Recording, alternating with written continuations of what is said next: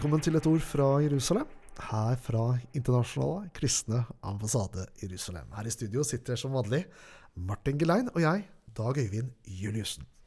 Vi begynner i eh, Ukraina, og mens millioner er på flukt, så er også jødene på flukt fra Ukraina. Og flere tusen har per nå eh, immigrert til Israel.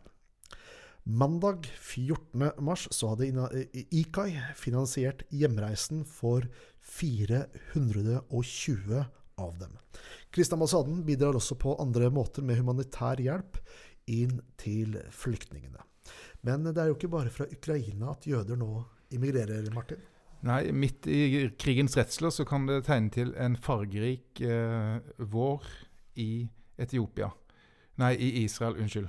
For eh, regjeringa i Israel har òg vedtatt å hente flere tusen etiopiske jøder, og de er venta eh, å ankomme i de kommende ukene. Og Her er òg IKAI sterkt inne. Når eh, Israel henta omkring 2000 etiopiske jøder i årsskiftet 21-22, så finansierte jo IKAI hjemreisen for omkring en fjerdedel av de. Mm. Dette her føyer seg jo inn i et, et større historie og et større bilde.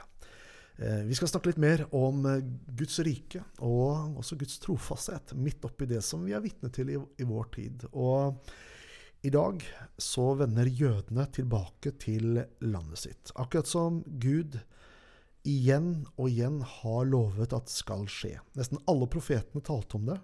At jødene skulle tilbake til landet Gud en gang ga dem. Eh, og dette beskriver jo noe av dette fantastiske budskapet om at Gud, han er trofast. Ja, allerede i skapelsen eh, og beretninga om syndefallet, så ser vi at mennesket synder mot Gud. Og hva skjer? Hvordan reagerer Gud i møte med menneskets ulydighet? Jo, Gud åpenbarer sin kjærlighet. Først så leter han etter dem til han finner dem som en god hyrde. Så kler han dem for å skjule skammen, og så gir han dem løfter om en frelser. Og Første Mosebok 3.15 blir gjerne omtalt som protoevangeliet. Mm. Her eh, eh, har vi den første Messias-profetien som alle de andre Messias-profetiene bygger på. Hva, hva, er det som står der sånn cirka? Der står det at uh, Gud skal sette fiendskap mellom Eva uh, og slangen, og mellom Evas ett og slangen. Og så står det om en hann som skal komme i Evas slekt, som skal knuse slangens hode. Nettopp. Og det er jo da Jesus. Ja. Eh, så her er fokuset tydelig at eh, Guds frelsesplan den er for hele menneskeheten. Altså alle Evas og Adams etterkommere. Nettopp. Og det er jo dette som oppsummeres i Johannes 3, 16. For så vidt at Gud elsket verden. At han ga sin sønn den eneste for at hver den som tror på ham, ikke skal gå fortapt, men har evig liv. Altså, det er jo hele menneskeheten Gud er opptatt av. Og som en, som en, videreføring av det som skjedde i Edens hage, dette løftet om at det skal komme en redningsmann, en frelser, en Messias, egentlig, så inngår jo Gud en pakt eh, med Abraham. Og, og da gir jo Gud løfter. Ja, og igjen så viser Gud at fokuset er for alle folkeslag. Men Gud tar seg her ut et eget folk, og skaper et eget folk som han skal bruke som et redskap for å velsigne alle mennesker. Og det er et prinsipp som Gud bruker videre i sin frelsesplan gjennom årtusener og helt til i dag, og òg i fremtida. Og da sier Gud til eh, Abraham med en, et evig løfte at jeg skal gjøre det til et folk og gi dere til et land. Og gjennom dere, gjennom nasjonen Israel, skal alle jordens slekter velsignes. Så her har mm. Gud tatt seg ut et redskap for å velsigne alle mennesker, sånn som han lovet Eva og Adam i Edens hage.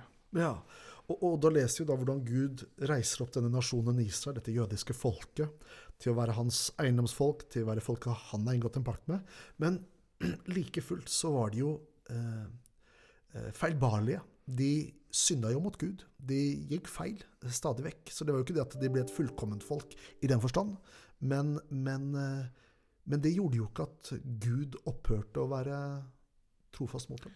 Nei, akkurat som i Edens hage så åpenbar Gud på nytt og på nytt sin trofasthet sin kjærlighet, til tross for at folk gir han mange anledninger til å trekke tilbake løftene og til å eh, endre sin frelsesplan, så fortsetter Gud å holde fast på det han har tenkt å gjøre.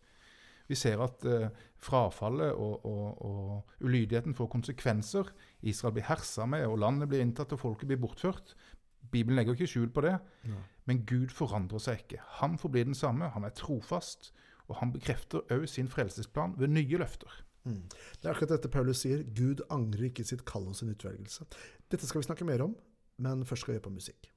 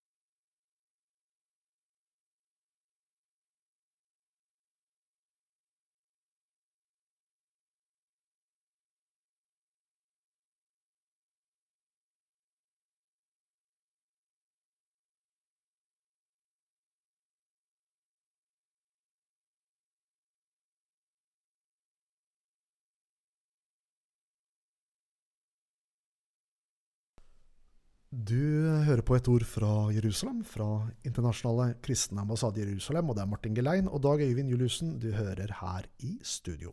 Vi snakker sammen om at Gud er trofast, at han har utvalgt dem, og han holder sin hånd over dem, selv når de eh, bommer på målet og går feil.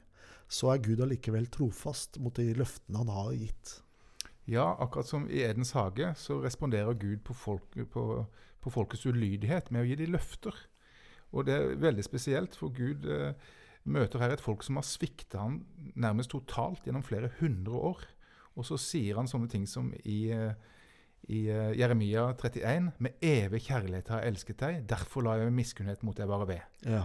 Og i eh, Jeremia 29.: For jeg vet hvilke tanker jeg har for dere, sier Herren. Fredstanker, ingen ulykkestanker. Jeg vil gi dere fremtid og håp. Eh, og Paulus skriver i 2. Timoteus brev at om vi er troløse, så forblir Gud trofast, for han kan ikke fornekte seg selv. Så Gud holder seg til den planen han har uttenkt fra evigheta. Han endrer den ikke. Mm. Og, og, det med, og, og, dette ser vi jo på de jødiske folkets historie. Eh, fordi selv om folket har gått feil eh, Det står i Skriften at vi for alle vil, står det. Eh, så, så er allikevel Gud trofast mot det han har sagt, og han har oppfylt sitt ord. Han har oppfylt sine løfter, og folket har eh, blitt et redskap til velsignelse for hele verden. Det som Gud sa til Abraham, i deg skal alle familier, alle slekter på jorden bli velsignet, det er materialisert. Det har skjedd gjennom det jødiske folket. Vi har fått Bibelen fra dem, evangeliet, og først og fremst har vi fått Jesus og frelsen fra dem. Jesus sjøl sier at frelsen kommer fra jødene. Ja, det er ikke lite. Bibelen, Jesus, frelsen og evangeliet fra det her lille folket. Så her har Gud sannelig vært trofast mot sin ord og sine løfter. Og det har ikke skjedd fordi folket var så trofaste. For det har det ikke vært. Men det er fordi Gud er trofast, og det er det som er hovedsaken når vi ser på Israel i dag, og folket vender hjem fra alle kanter av verden og gjenoppbygger Israel med Jerusalem som hovedstad, til tross for at nasjonen er i ferd med å samle seg, så skjer det fordi Gud er trofast, og han har en plan for å velsigne alle mennesker. Ja, og de brakte oss jo evangeliet. Og noe som har vært en anklage mot jødene fra kirken gjennom historien, det er at de korsfestet Jesus. Men sannheten er jo den at nettopp fordi de, når de gjorde det, så brakte det frelsen til oss. Eh, ved deres fall har frelsen kommet til hedningene, sier, sier, Paulus. Og vi tror jo at det fins en vei der framme hvor også eh, relasjonen mellom himmelens Messias og det jødiske folket skal gjenopprettes. Ja, hele Israel skal bli frelst, sier Paulus tydelig og klart. Og når Gud fører folket sitt hjem i våre dager, så er det igjen fordi han holder fast ved det prinsippet i pakten med Abraham om at han skal velsigne alle jordens slekter gjennom Israel.